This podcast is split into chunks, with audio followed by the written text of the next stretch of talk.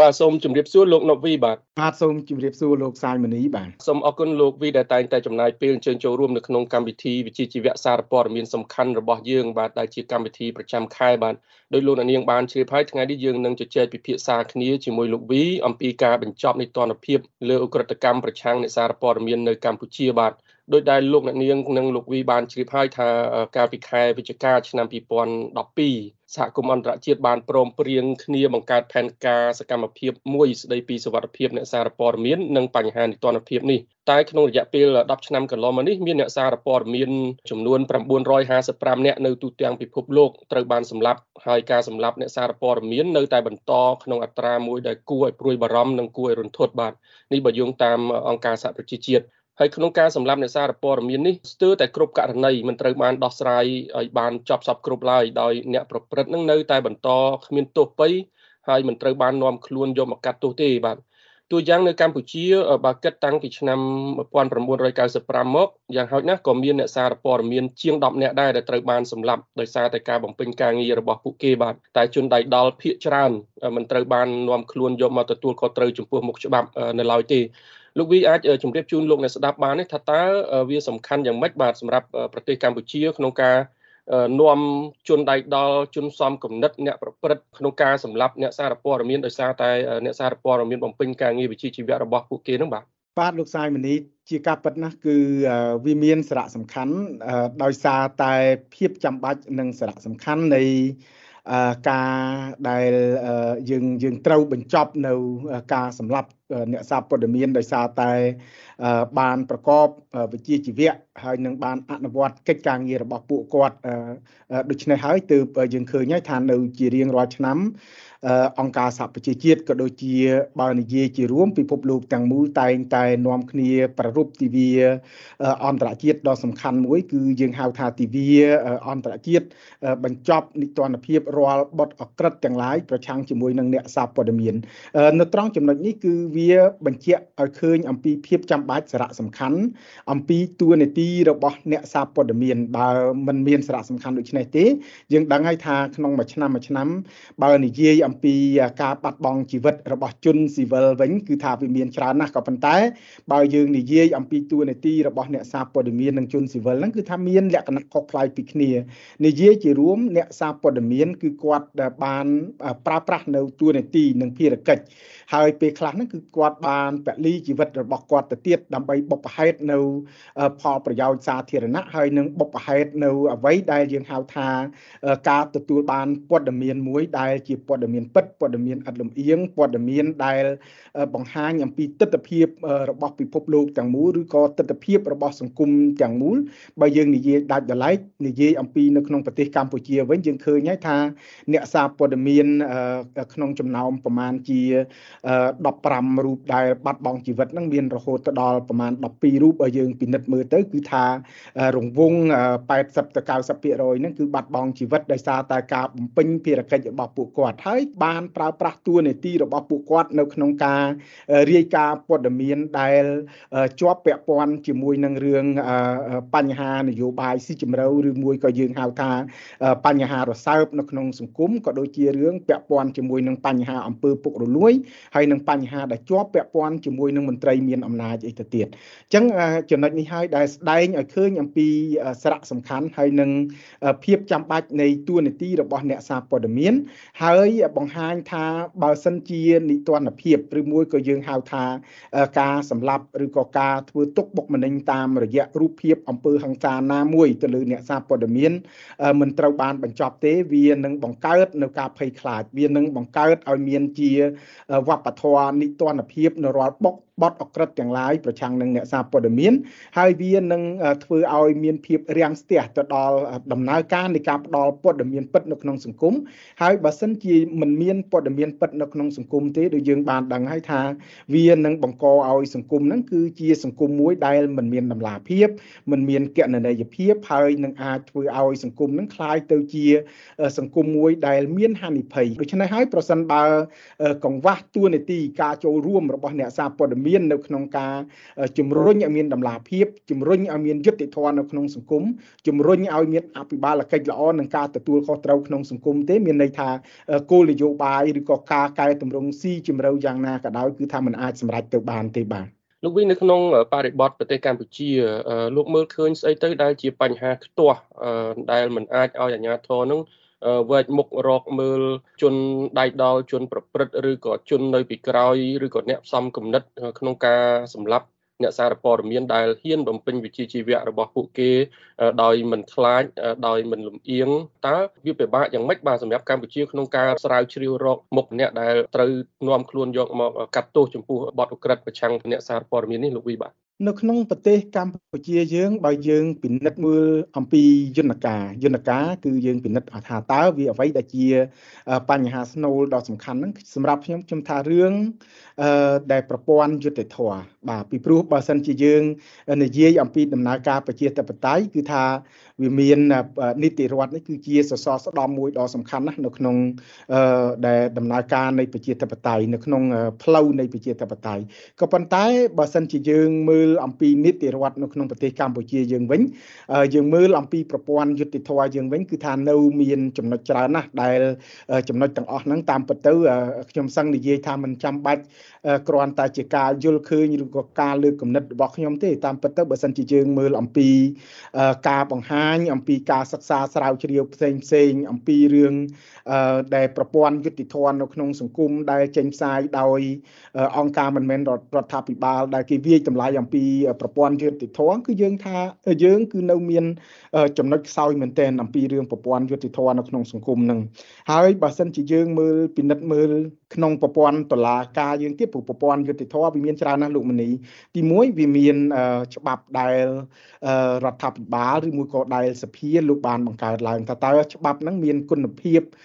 គ្រប់គ្រាន់ដើម្បីធ្វើការអនុវត្តជំរុញឲ្យមានយុត្តិធម៌ក្នុងសង្គមទេជំរុញឲ្យមានការស្វែងរកនៅជនល្មើសដែលធ្វើទុកបុកម្នេញឬមួយក៏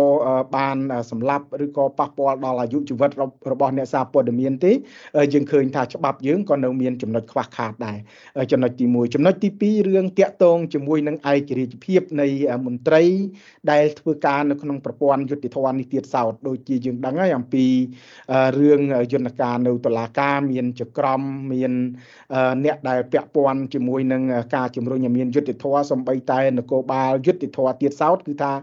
សុទ្ធតែជាកត្តាដែលជំរុញគួបផ្សំគ្នាក្នុងការជំរុញឲ្យមានយុត្តិធម៌សង្គមក៏ប៉ុន្តែដោយសារតែការប្រព្រឹត្តអំពើពុករលួយយើងដឹងហើយការសិក្សាស្រាវជ្រាវអំពីរឿងដែលអំពើអំពើពុករលួយឬយើងហៅថា corruption index បាទអំពើយុទ្ធអំពើពុករលួយប្រចាំឆ្នាំយើងឃើញថាការលើកឡើងរបស់សាធារណជនទូទៅហ្នឹងគឺថាមានការប្រព្រឹត្តអំពើពុករលួយច្រើនហ្នឹងគឺថានៅក្នុងប្រព័ន្ធតុលាការហើយនៅលើសមត្ថកិច្ចនគរបាលអញ្ចឹងចំណុចនេះគឺជាចំណុចមួយដែលយើងគប្បីនាំគ្នាយកមកធ្វើការឆ្លុះបញ្ចាំងឡើងវិញយកមកធ្វើការពិនិត្យមើលថាតើចំណុចណាដែលជាចំណុចខ្វះចន្លោះចំណុចណាដែលយើងគប់គប្បីស្វែងរកមធ្យោបាយឬមួយក៏ធ្វើកិច្ចការងារច្រើនថែមទៀតដើម្បីធានាថាចន្លោះខ្វះចំណុចខ្វះចន្លោះហ្នឹងគឺថាត្រូវបានដោះស្រាយអញ្ចឹងបើសិនជាយើងពិនិត្យថាតុលាការលោកមានជាប់ពាក់ព័ន្ធជាមួយរឿងអំពើពុករលួយសមត្ថកិច្ចជាប់ពាក់ព័ន្ធអំពើពុករលួយអញ្ចឹងយើងគប្បីសួរថាតើយើងត្រូវធ្វើសកម្មភាពអីដើម្បីបញ្ចប់នៅ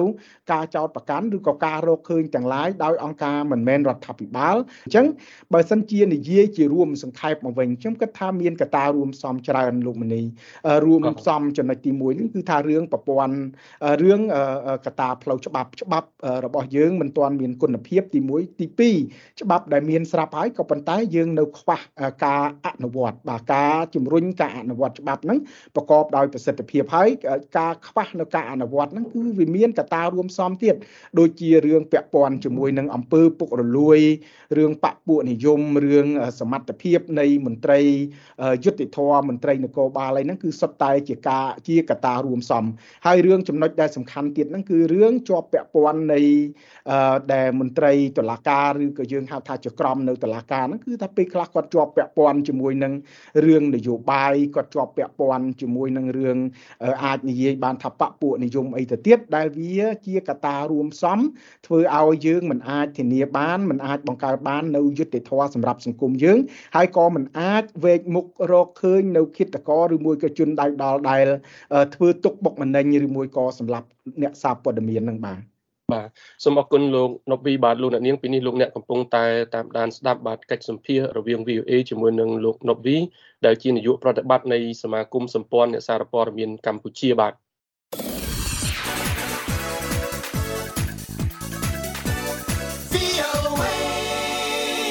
បាទឥឡូវនេះយើងកំពុងតែជជែកពិភាក្សាគ្នាអំពីប្រធានបទស្ដីពីការបញ្ចប់នីតិរដ្ឋភាពលើអ ுக ្រិតកម្មប្រឆាំងអ្នកសារព័ត៌មាននៅកម្ពុជាបាទពលគឺធ្វើយ៉ាងម៉េចដើម្បីឲ្យចប់សពគ្រប់ទៅលើករណីសម្រាប់អ្នកសារព័ត៌មានដោយសារតែការបំពេញវិជ្ជាជីវៈរបស់ពួកគេហ្នឹងបាទដោយនាំខ្លួនអ្នកដែលជាប់ពាក់ព័ន្ធអ្នកដែលប្រព្រឹត្តយកមកទទួលខុសត្រូវចំពោះមុខច្បាប់បាទ លោកវីកន្លងមកយើងតែងលើអាញាធរកម្ពុជានឹងលើកឡើងថាធម្មតាពេលដែលមានការសម្លាប់អ្នកសារព័ត៌មាននឹងគឺអាញាធរ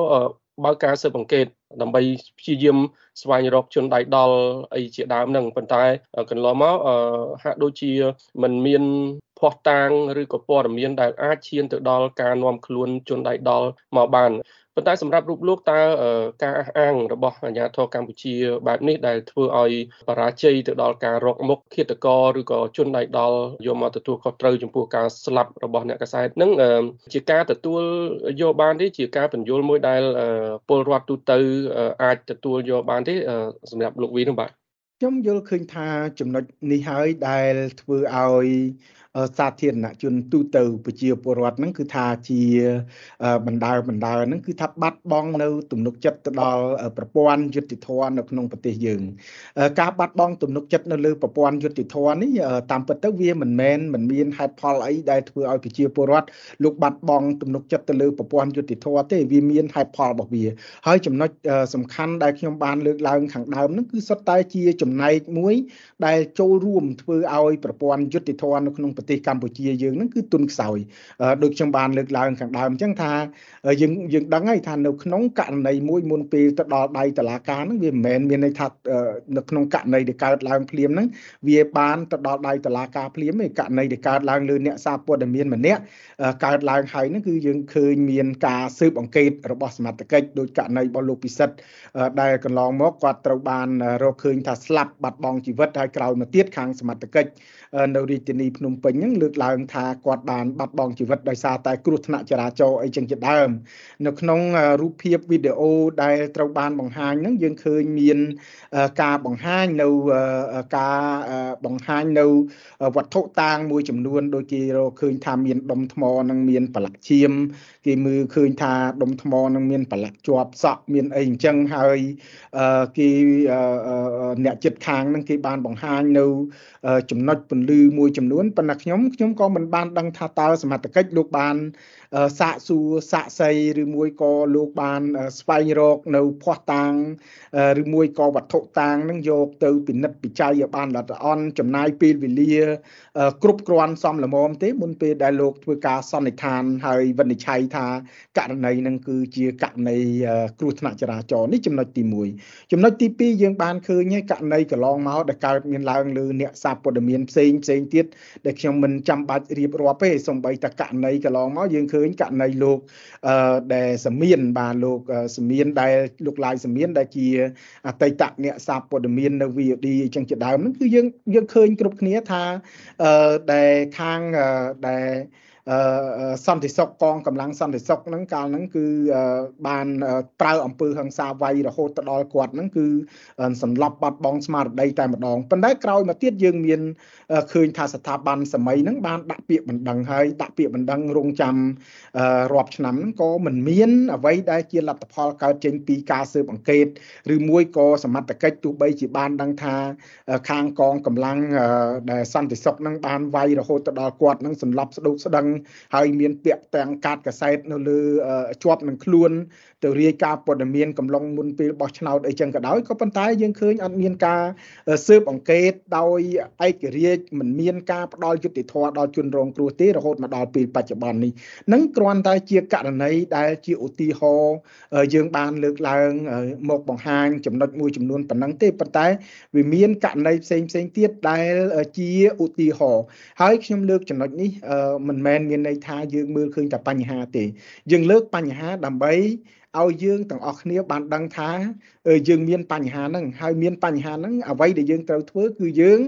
សុទ្ធតែស្រឡាញ់យុត្តិធម៌ដូច្នេះការស្រឡាញ់យុត្តិធម៌នេះគប្បីយើងរកវិធីដើម្បីផ្ដល់យុត្តិធម៌ជូនជនរងគ្រោះហើយការផ្ដល់យុត្តិធម៌ជូនជនរងគ្រោះនេះទៀតសោតខ្ញុំយល់ឃើញថាមានភាពងាយស្រួលណាស់សម្រាប់អ្នកធ្វើគោលនយោបាយសម្រាប់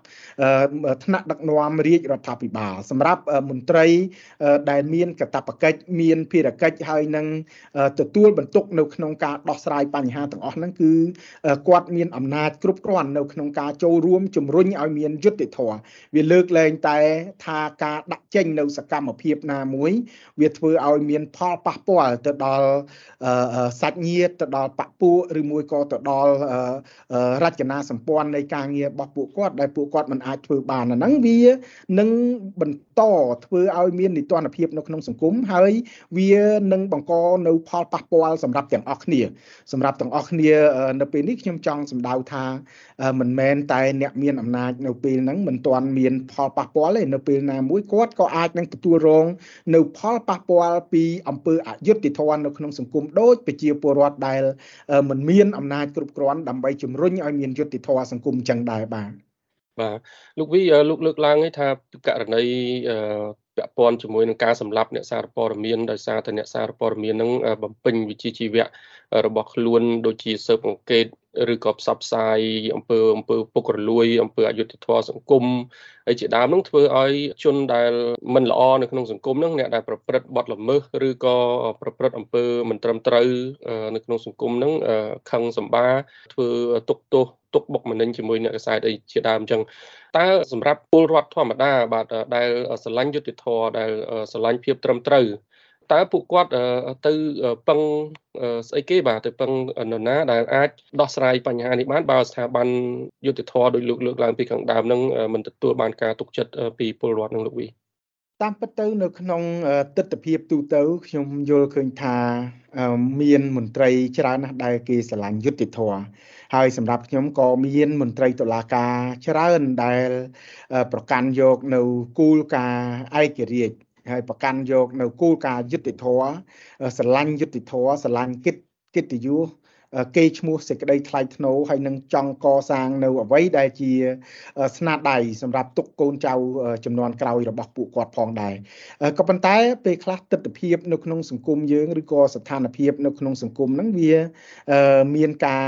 ពិបាកសម្រាប់ពួកគាត់នៅក្នុងការប្រកាន់យកនៅនិន្នាការឯករាជ្យប្រកាន់យកនៅនិន្នាការយុត្តិធម៌ឬក៏គោលការណ៍យុត្តិធម៌ហ្នឹងគឺជាគោលការណ៍ចម្បងចំណុចទី1ចំណុចទី2បើសិនជាយើងនិយាយឲ្យសុតិធិនិយមបន្តិចយើងមើលអំពីទស្សនវិជ្ជាទិសដៅជាវិជ្ជមានខ្ញុំថាយើងមិនអាចអស់សង្ឃឹមជាមួយនឹងអង្គើអយុត្តិធម៌មួយចំនួន ដែលកើតមានឡើងទេដូចខ្ញុំបានលើកឡើងខាងដើមពេលខ្លះគឺថាអ្នកដែលគាត់ទទួលរងនៅអង្គើអយុត្តិធម៌គឺថាគាត់មានការបដិញ្ញាចិត្តខ្ពស់នៅក្នុងការស្វែងរកយុត្តិធម៌ដូចខ្ញុំបាន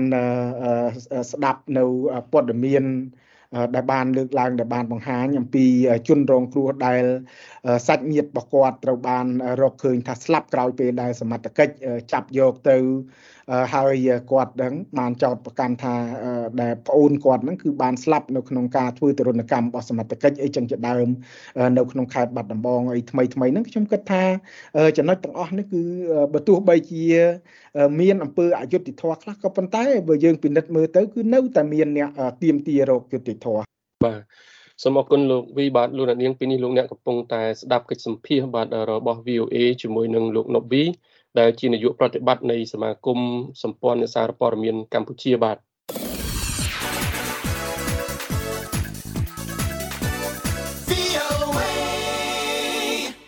បាទឥឡូវនេះយើងកំពុងតែជជែកពិភាក្សាគ្នាអំពីការបញ្ចប់នីតិរដ្ឋភាពលើឧក្រិដ្ឋកម្មប្រឆាំងអ្នកសារព័ត៌មាននៅកម្ពុជាបាទ